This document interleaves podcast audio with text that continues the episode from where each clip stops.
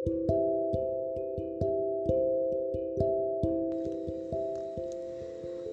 akhirnya aku mengerti, tak semua benang tanya bisa terurai dengan sempurna. Terkadang, beberapa cerita mengayun pada titik yang mengambang. Akhir yang baik-baik selalu bisa dikenang. Tak perlu ada pengakuan, tak juga harus ada salam perpisahan. Yang bisa dilakukan hanyalah merasakan. Dengan bibir yang tak pernah bicara dan hati yang tak pernah berhenti merasa. ya, beberapa cerita pantas dibiarkan begitu saja.